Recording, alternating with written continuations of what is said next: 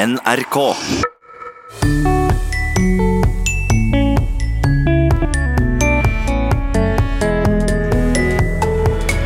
Å være lenka til rullestolen, skriver journalister ofte.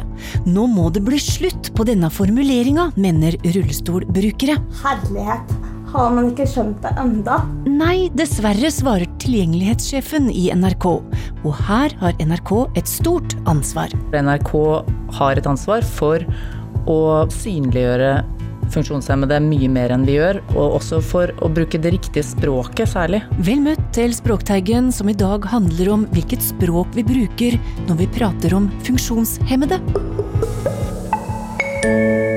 I sommer fikk Ida Hauge Dignes nok. Hun hadde lest en nyhetsartikkel på nrk.no der en setning lød som følger. Rullestolen vil den være lenka til for alltid. Dette fikk Ida til å skrive et innlegg på Facebook som hun starta slik. Hei, NRK. Her kommer en liten skjerpingsbeskjed. Det er ingen funksjonshemmede som sitter i rullestol som er lenket til den. Rullestolen gir frihet og øker muligheten til å bevege seg rundt. Det er derimot barrierene, som trapper, gap mellom T-banen og perrongen, og den utilgjengelige restauranten, der du må gå gjennom kjøkkeninngangen for å komme deg inn, som er diskriminerende. Flere har i sommer skrevet om nettopp det Ida setter fingeren på her. Fritt Ord-redaktør Knut Olav Åmås skrev en kommentar om hvordan landets største minoritet, de funksjonshemmede, ofte blir glemt. Og redaktøren i fagbladet Journalisten, Roger Aarli Grøndalen, fulgte opp ved å si at de fortjener og at vi omtaler dem skikkelig. For Knut Knussen Eigeland, NRK er ikke alene f.eks. om å bruke uttrykket 'lenka til rullestol'. Nei, eh, journalisten gjorde nemlig en eh, liten undersøkelse, en sjekk, og fant ut at eh, uttrykket er brukt 89 ganger det siste året i norske medier. Og jeg har møtt Ida Hauge Dignes. Hun bruker selv rullestol, og hun ble sinna da hun leste uttrykket brukt atter en gang. Er jo veldig sint. Jeg, jeg leser jo det innlegget i NRK, og så tenkte jeg sånn Herlighet, har man ikke skjønt det enda? Eh, det skjer jo dessverre altfor ofte at man bruker eh, ja, ord som lenke til rullestolen, at du er CP-ranna osv. Eh, og så kjente jeg på at det, rullestolen min den gir ingen altså, Det er ikke den som gir begrensningene på mitt liv. Den gir meg frihet. Som bare rakkeren. Så ja, den gir meg muligheten til å dra hvor jeg vil, egentlig. Og så er det jo barrierene i samfunnet som setter en stopper for at jeg kan komme inn på denne restauranten eller inn på T-banen. Men det er jo et, ja, et strukturelt samfunnsproblem, da. Du, du gikk uh, hardt til verks med det Facebook-innlegget. Beskriv det bildet som du la ved. Ja, eh, jeg tok et bilde av meg selv eh, med kjetting rundt meg. Ropte til pappa og lurte på om jeg hadde noen eh, kjettinger i se. Og så hadde jeg kjetting, vinterdekkskjetting i garasjen som jeg da tok rundt meg for å illustrere at eh, det her er hvordan det er lenka til rullestolen. Jeg er ikke lenka til rullestolen. Den gir meg frihet, da. For da hadde jeg kjettingen rundt meg, eh, rullestolen også, da. Ida Hauge Dignes bruker altså humor som virkemiddel. Hun er engasjert i Norges Handikapforbund, der hun sitter i sentralstyret. Det gjør hun for øvrig òg i Norges Handikapforbunds Ungdom. Der er venninna Marianne Knutsen nestleder. Òg hun bruker rullestol, og de to lager podkasten Hemma, som vi skal snakke om seinere. Men Marianne forteller at hun ikke ble overraska over at Ida reagerte. Så det her har jo jeg og Ida eh, snakka om eh, mange ganger. Så når man endelig liksom fikk den der Nei, nå, nå, nå er det nok. Og Ida bare gikk ut med, med det innlegget og var bare så tydelig, bare sånn rett på. det her, Så tenkte jeg bare sånn Yes, det der er helt eh, supert og nødvendig og bare helt spot on, da. Mm. Har dere noen forklaring på hvorfor vi journalister bruker uttrykk som lenker til rullestolen, ramma? Det kan jo være mange årsaker til det, men jeg tenker jo at det også henger sammen med eh, diskrimineringa av funksjonshemmede, og at det er uttrykk som bidrar til eller i veldig sterke stereotypier da, om at funksjonshemmede er passive brukere, om at livet som funksjonshemma er mindre bra å, le å leve. At det er liksom eh, For det, det, er jo at man er lenka til rullestolen. altså Det er jo noe veldig sånn både trist og passivt i det. da, Og den ordlyden det gir jo en eh, en eh, indikasjon på hvordan man ser på funksjonshemmede mm. som en minoritet også. Da. Så det er veldig viktig eh, å snakke om hvorfor man bruker de ordene, og hvilken makt det ligger i, i ord. da. I 2017 laga NRK en egen ordliste der journalister kan få råd om hvilke ord de bør bruke når de lager journalistikk om og med funksjonshemma. Der står det å være bundet, lenket til rullestolen, er et uttrykk som bør unngås. Det formidler en holdning om bruk av hjelpemidler som noe tragisk, ifølge ordlista. Det burde, burde jo ikke vært nødvendig å ha den ordliste for å vite at man ikke skal si at noen er lenka til en rullestol eller ramma av CP. Det, det er jo helt bak mål. Det er, jo, det er, jo, ikke greit på noen som helst måte, egentlig. Så her, som Ida sier, her har Ida lov til å være sint. Man har lov til å si at det gjør vondt å bli omtalt på den måten. Og det er en skjerpingsbeskjed som er viktig å høre på, da. Jeg føler også at disse ordene òg eh, sier til oss at eh, man tenker at ok, men om det er funksjonsnivå, eh, da bør det bli ikke-funksjonsnivå for å kunne ha et bedre liv. Og det er ingenting som tilsier det i det hele tatt. Du kan ha et veldig bra liv eh, og et like godt liv som alle andre, mm. selv om det er funksjonsnivå. Eh, mm. Sånn at det er ekstremt viktig da, at man som samfunn mm. husker å reprodusere de riktige og riktige sannhetene mm. om funksjonsnivå, sånn at man får fram den sannheten. Og det er ikke kjipt å være funksjonsnivå.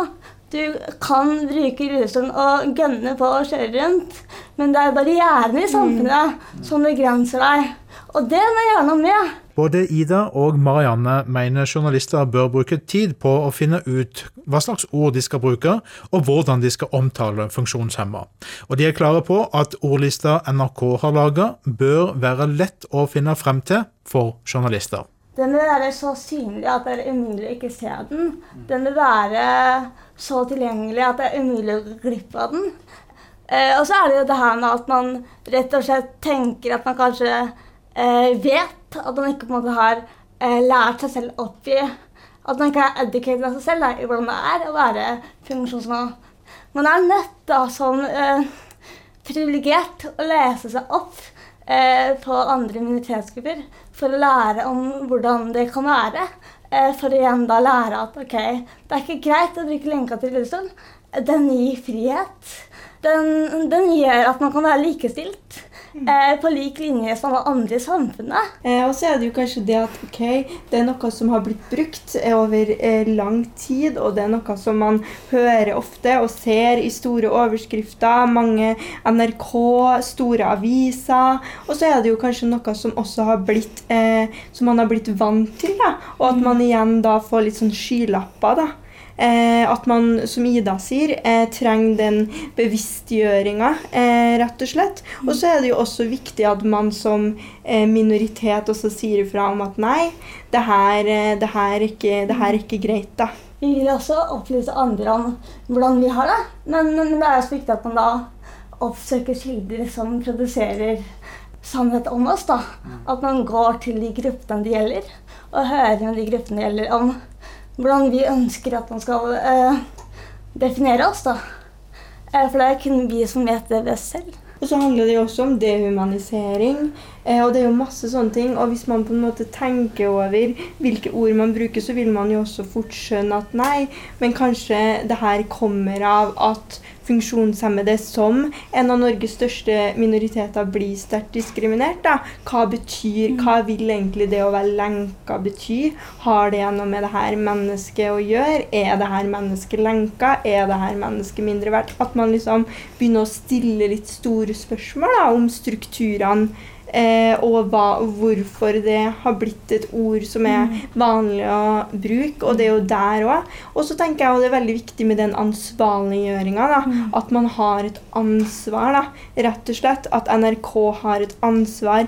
Avisa, store aviser har et ansvar for hvilke ord man bruker, og hvordan man omtaler minoriteter. Eh, det, ja, det er viktig, da. Det var Ida Hauge Dignes og Marianne Knutsen. Og vi hører Marianne si til slutt her at vi må lære oss å stille spørsmål om ord og betydningen bak. Og da kan vi jo kikke litt i den ordlista som vi fikk her i NRK i 2017, Knut. Ja, og den ordlista der, den var du med på å lage, Tåren? Ja, jeg var det. Og jeg må si at den jobben ga meg mange aha-opplevelser. Og jeg fikk eh, anledning til å gjøre nettopp det som Marianne sier her. Og, og Ida òg, dem etterlyser det begge to, nemlig å utdanne meg sjøl. Finne ut hva som ligger bak ord. Skal vi ikke ta en liten kikk eh, på den ordlista og gi noen eksempler, da? Mm. Eh, F.eks. ordet dverg står med rødt i ordlista og skal ikke brukes. Og den sier i dag anses betegnelsen som svært nedverdigende. Kortvokst er ordet vi skal bruke. Mm, og så har vi ordet blindehund. Det er jo faktisk ikke hunden som er blind. Nei. Og igjen, hunden er et hjelpemiddel. Den skal føre en person med synshemminger. Så ordet vi skal bruke, er førerhund. Og Marianne mente at vi må ta ansvar her i NRK for å bruke de korrekte ordene. Og der får hun gehør. Ja, for tilgjengelighetssjef i NRK, Siri Antonsen, hun fulgte opp debatten i sommer med en kronikk. Og der sa hun at NRK har et stort ansvar. Ja, jeg mener jo det. Vi har et ansvar. NRK har et ansvar for å synliggjøre funksjonshemmede mye mer enn vi gjør. Og også for å bruke det riktige språket særlig, og de riktige vinklingene, som gjør at vi ikke eh, bekrefter denne minoritetsfølelsen som veldig mange eh, funksjonshemmede har. Mm. Ja, for det, Før vi snakker videre om eh, den kronikken og det du sa der. Tilgjengelighetssjef i NRK. Altså, hva gjør en tilgjengelighetssjef? Jeg skal passe på at alle kan bruke innholdet vårt. Det er jo sånn at, eh, at eh, hvis man har utfordringer rundt eh, hørsel eller syn, fysiske eller kognitive ferdigheter, så er det ikke alltid at det er så lett å bruke medieinnhold. Og det er vi nødt til å bli bedre på. For alle betaler nå Man betaler jo ikke lisens, men man betaler for NRK gjennom skatten. Og det er ingen som slipper unna. Og da må vi også kunne tilby noe til alle, altså at alle kan bruke det vi lager. Så det er jo en ren sånn eh, reell faktagreie. Det må vi jo bare. Men samtidig så har vi altså eh, det allmennkringkasteransvaret. Som, eh, som, går på at eh, vi skal samle hele Norge. Samle og engasjere hele Norge. Og da betyr det også um, hvis du har utfordringer med hørsel f.eks. Og det gjøres faktisk en god del i NRK på det. Eh, synliggjøringen av funksjonshemmede i innholdsproduksjon. Det begynte vi å kikke på for to år siden, så vidt. Og det arbeidet har ført til at det faktisk lages mer innhold med funksjonshemmede og om funksjonshemmede. Men det som er viktig, og som, hvor vi har mer å hente, det er eh, å nå fram til alle som jobber i NRK med eh, denne bevisstheten rundt hvordan man snakker om mennesker som opplever hindringer. Svarte du på dette her eh, fordi du er tilgjengelighetssjef i NRK, mm. så det var av ren plikt, eller var det noe som traff deg i hjertet? Det traff meg definitivt eh, i, i hjertet. Jeg selv er så heldig at jeg har et veldig sånn lett og praktisk liv. Jeg opplever ikke noen store hindringer, hindringer sånn sett. Men jeg er jo da leder for NRKs brukerråd, hvor vi sitter ni interesseorganisasjoner fra forskjellige funksjonshemmede organisasjoner. Eh, og det, det brukerrådet har vi hatt siden mai 2015. Og fra første dag jeg traff dem, hvor jeg, hvor jeg, da skulle jobbe med hvordan vi passer på at innholdet vårt kan brukes av alle, og det var oppgaven til det brukerrådet, men allikevel så var de veldig, veldig opptatt av nettopp disse tingene. Hvordan NRK framstiller funksjonshemmede, hvordan vi snakker om dem, og at de får være synlige i det hele tatt. Og ikke minst når det er saker som handler om dem, at de får være med og eh, delta i debatten, rett og slett. Og det har jeg jo kjent på at eh, vi har hatt et behov for å bruke mer energi på i NRK. For det du skriver i kronikken din, det er at eh, NRK må våge å utvide normalen. Mm. Hva konkret legger du i det? Jeg tenker at som språk Altså, vi trenger Og språket bruker vi jo til å rydde, da. Ikke sant? Ofte å, øh, for å rydde når vi snakker om ting. Så det å kalle noen funksjonshemmede, tror jeg nok vi trenger. Så det er greit. Men språk kan også være med å gjøre eh, normalen større og mindre. Og da mener jeg at det å føle seg utenfor normalen, det er noe av det vondeste som fins som menneske. Og det tror jeg de fleste, hvis de leter veldig godt, kanskje må man ha litt hjelp fra noen. En eller annen situasjon hvor du har eh, opplevd at du på en måte ikke var inkludert. At de andre visste noe som du ikke visste, eller kunne noe som du ikke kunne. At du dermed liksom ikke var bra nok da, for dem. Det er en ordentlig kjip følelse. Og det skal vi jo prøve å unngå. Det er samme som vi har Bli med i NRK Super, ikke sant. Eh, og da, da sier vi at eh, hvis vi kan være med og utvide normalen, sånn at færrest mulig føler seg utafor og unormale, så, eh, så, er det, så er det en ambisjon som er utrolig bra og viktig eh, å få med seg. Så eh, vi bør jo også tenke på det at vi speiler hele befolkningen, og da snakker jeg ikke nødvendigvis bare om funksjonshemmede, ikke sant. Mm. Men, men absolutt alle skal kunne kjenne seg igjen hos oss. Da utvider vi normalen. Og som en hjelp til dette så har altså NRK ei ega ordliste på funksjonshemmet-feltet. Og det er en liste som du tok initiativet til, faktisk? Det var NRKs brukerråd som tok initiativ til eh, ordlista, og det er jo interesseorganisasjoner som ønsket den. Mm. Mm. Og, og, fremførte det ønsket til deg som tilgjengelighetssjef? Jepp. Og da tok språksjefen det på strak hånd med en gang og sa ja, dette må vi jo dette må vi jo gjøre. Mm, men jeg gjorde en liten uhøytidelig spørreundersøkelse med de journalister som jobber nærmest meg. Om dem hadde hørt om den ordlista, og du kan jo høre hva de svarte. Har du hørt om NRK sin egen ordliste på funksjonshemmedfeltet? Nei. Aldri brukt den? Aldri brukt den. Funksjonshemmedfeltet? Mm. Nei. Nei. Har du hørt om den ordlista? Nå så har jeg det. Men ikke før? Ikke før. Jeg visste ikke hva det var for noe. Har du hørt om NRKs egen ordliste på funksjonshemmet-feltet? Eh, nei. Det har jeg ikke. Finnes det, altså? Ja, For du visste ikke at du fant den på vår portal, hvor vi finner alt som er viktig i NRK?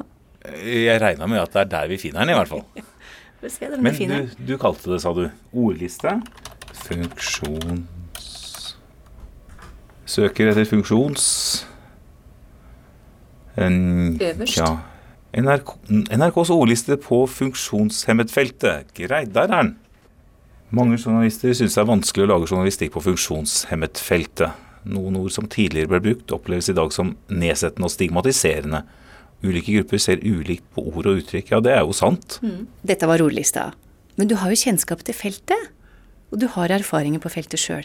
Ja da, jeg har jo eh, en datter eh, som er eh, ti og et halvt år, som har Downs syndrom. Og eh, det er jo vanlig å, å bruke da Downs syndrom, men sånn historisk sett så var det jo mange som brukte mongloid. Og det er jo ikke så veldig lenge siden jeg satt på bussen og prata med en ei jente jeg ikke hadde møtt på veldig veldig mange år, men vi er nå venner på Facebook. Og hun sa ja, du har jo en datter som er mongloid, og da må jeg innrømme at jeg ble litt paff. For det, det var liksom et ord som jeg ikke hadde hørt på veldig mange år, som jeg tenkte dette her er det vel ingen som bruker lenger. Men ja, oppegående dame i rundt 50. Og mongoloid? Nei, vi sier Downs syndrom. Men føler du da at du har et ansvar som journalist? Absolutt. Absolutt. Og å bruke ord som er korrekte, og som ikke skal virke støtende, det, det er jo viktig. Eh, det er jo da vi blir tatt på alvor som journalister også. Det sa kollegaen min Ola til slutt der, men også ingen vet om ordlista? Nei, Det er veldig, veldig synd. Eh, og det er et eh, ledelsesansvar å løfte det opp. Det er veldig mange ting på agendaen hos alle eh, hele tiden eh, i NRK. Man må prioritere opp og ned hele tiden. Og, og da er vi nødt til å prioritere det opp. Det å informere om den lista, og om en ambisjon da, ikke sant, om å endre på språkbruk og vinkling. Um, så jeg tar på meg å, jobbe med det videre innover i NRK. Uh, og så tenker jeg at det er, uh, som Ida sa, at det er litt det er dumt altså liksom, er vi, Trenger vi en ordliste? Det er dumt at vi trenger en ordliste. Men så er det sånn at uh, i en sånn endringsprosess så må man gjennom noen steg. Prosess, eller steg i prosessen. Det går ikke an å hoppe inn i mål. og, og, da trenger vi eh, nok denne ordlista i en periode tenker jeg, som et verktøy for eh, sånne som meg, eh, som da ikke lever med funksjonshindringer selv. Og som ikke automatisk kanskje vet jeg, hva slags ord og uttrykk jeg skal bruke. Så jeg tror det er, det, er, eh, det er, kjempeviktig at vi har den. Og jeg håper vi kan få jobba litt mer med den. Jeg syns den er litt kort. Vi skulle gjerne hatt flere ord inn. Og, og vi skal nok samarbeide med med noen organisasjoner for å få oppdatert den litt. Men sånn det er nå, da, så har du altså gått ut offentlig og sagt at NRK må utvide normalen. Noe som òg betyr å endre gamle språkvaner. Og det er jo blant annet din jobb, så hvordan skal du få det til? Helle min, som de sier i Moss. For, for, din jobb. Uh, jeg har jo ikke det som, som, eh, et ansvarsområde, det har jeg jo ikke. Men jeg kjenner at jeg som NRK-ansatt har det ansvaret. Og det har vi alle sammen. Eh, og det tror jeg faktisk at alle i NRK er villige til å ta. For dette er ikke noe som én person fikser. Liksom, dette er I og med at det er kultur og språk, så er vi avhengig av at alle tar eierskap til det og gjør noe med det. Det som, eh, det som er en ledelsesoppgave, det er jo å, um, å fyre litt oppunder opp det. Og spre informasjon om det? Og, uh, og løfte det opp på dagsorden. Det er en ledelsesoppgave, og den, uh, den må vi ta alvorlig. Det sa tilgjengelighetssjef i NRK, Siri Antonsen. Vi har allerede møtt Ida Hauge Dignes og Marianne Knutsen. Og Knut, du nevnte så vidt at dem to har en egen podkast? Ja, den heter Av alle ting hemma. Et eh, fyord i ordlista. Og et eh, fast innslag i denne podkasten er at de to spør hverandre hvor hemma de har følt seg sist uke, og hvorfor. Her er et kort utdrag. Hvor hemma har uh, du følt deg, Marianne, denne uka her? Jeg tror jeg ligger oppi en eh, nier. Jeg pleier jo alltid å være ganske sånn høy på denne skalaen. Jeg tror aldri jeg har vært under fem. Nei. Jeg var på butikken, ja. blant annet. Og så var det ei dame der som tok meg på skuldra, mm. og hun sa sånn Gud velsigne deg og gi deg styrken. Ja det er en sånn komisk greie, fordi ja. at det er som om det er veldig negativt, negativt å være funksjonshemma, mm. og at du liksom må på en mm. måte bli velsigna og ha mm. styrke for å kunne komme deg gjennom den mm. tragedien i livet. Og så er det jo bare at Et utdrag fra podkasten Hemma, som tar opp temaer som diskriminering, rettigheter, likestilling og funksjonshemmedes situasjon.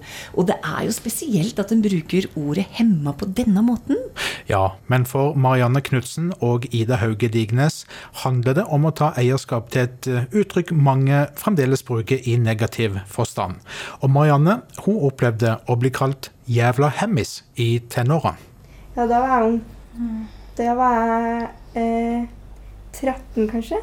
Mm. Hvordan var det? Nei, da, da, da, da I den episoden da, så tror jeg jeg sto og venta på bussen. Og så var det noen som drev og liksom ropte og drev og etterligna eh, eh, noen som var tydelig funksjonshemma, da, med spasmer og forskjellig, så sto jo jeg der, og så sa de jo 'jævlig hemmis' og liksom sånne ting. da, Og da forbundte jo jeg noe veldig negativt med, med ordet. Eh, og med liksom ordbruken, og det å bli kalt jævlig hammis. det føltes jo vanskelig og vondt for en 13-åring. Eh, absolutt. Mm. Og nå i dag så sitter dere to og lager en podkast som heter Som heter Hemma. ja. Jeg skrev jo også et innlegg til NRK etter den hendelsen, da, der jeg skrev liksom 'Jeg er ikke hemma'. og så noen år Og det var jo ikke det at jeg ikke var hemma, det var nok mer, jeg ville jo nok mer gjøre et liksom oppgjør med stereotypier og sånne ting. da. Men det er jo sånn som vi har tulla litt med i podkasten òg. At jeg liksom var ute med det innlegget, og så noen år senere så er vi med podkasten eh, 'Hemma'. Ja. For det er jo en tittel som sier noe. Mm, altså, grunnen til at vi valgte året Emma, var fordi at vi, ville, vi selv ville ta eierskap over det året. Og når vi bruker det om oss selv, akkurat som en jævla homo da. Eh, man den jævla homokampanjen, Ja, ikke sant? At man hadde de genserne med jævla homo på. Så tenk liksom vi sånn her, shit, nå vil vi, nå vil vi ta eierskap da, til, til ordet, til ordet hemma. Men det kommer helt an på hvilken kontekst man bruker ordet i. Sånn, når vi bruker ordet 'hemma' i vår podkast, da bruker vi ordet i en positiv kontekst. Og på en måte eh, Eller sånn tuller med det. sånn, Hvor hemma har du følt deg på en skala fra 1 til 10 i dag? Og det er ofte at det ikke er tull, og det er ofte at det er seriøse, ekte fortellinger om at folk eh, spør oss sånn 'Å, eh, eh, kan du ha sex eh, på byen, da? Eller Eller Eh. eh, så flink du var som trykket på knappen i heisen. mm. Eh, og så litt sånne type ting. da, Så sier vi at vi f.eks. er en tier på hemmaskalaen. da, når man, får, eh, når man får skryt fordi man har trykt på knappen der, eller at man får et klapp på skuldra fordi man har kommet seg på matbutikken. Altså litt sånne type ting. da. Mm. Så der vil vi jo gjøre et oppgjør med, med stereotypier, men samtidig også snakke om em, om likestilling og menneskerettigheter. Eh, og, og ønske å få fram at funksjonshemmede er en minoritet som blir sterkt diskriminert gjennom på en måte em, eh, At vi Ja, dialog, da. Og at vi snakker om det og livet. eh, eh, mm. Får dere noe, har dere fått noen reaksjoner på at dere har brukt 'Hemma' som tittel på podkasten? Det er nok mange som eh, kanskje føler på sånne ekstra grøsninger gjennom ryggen når man hører ordet 'hemma'. Eh, men jeg tenker at det at det er vi da som bruker ordet, gjør jo det også at det blir noe annet igjen, da, fordi at vi bruker det i den konteksten vi gjør. Men om du på en måte eh, sier 'jævla hemmis', da er 'jævla hemma', eller eh, 'og det er en slengbemerkning', eller et eh, mobbeord, så er det noe helt annet igjen. Eh, så ja. Men vi, vi har fått utelukkende positive kommentarer på det. eller tilbakemeldinger på det. Eh, og så er det sikkert noen som har tenkt sånn Oi, det her var rart og uvant. Det At har, man- også, det ja. har i hvert fall jeg hørt litt om. At det var mange som bare nesten fikk litt sånn kaffen i vrangstrupen. Eller Ja. liksom bare, Oi, hva var det her? Eh, og så man måtte ha liksom eh, reflektert litt rundt det, da. Og følt litt på det, eh, rett og slett. da. Og da har vel kanskje dere oppnådd noe av det dere vil med tittelen? Mm, absolutt. jeg absolutt. Eh, Skape litt den bevisstgjøringa, da. Mm. Det sa Ida Hauge Dignes og Marianne Knutsen, som lager podkasten Hemma. Og før vi slutter for i dag, så har jeg ei viktig melding til deg som har for vane å slå på radioen for å høre Språkteigen klokka 9.30 på søndager. Nå går ikke det lenger. Fra kommende søndag så har vi fått ny sendetid klokka 13. Passer ikke det, så har du mulighet til å laste oss ned som podkast. Takk for i dag, og ha det bra.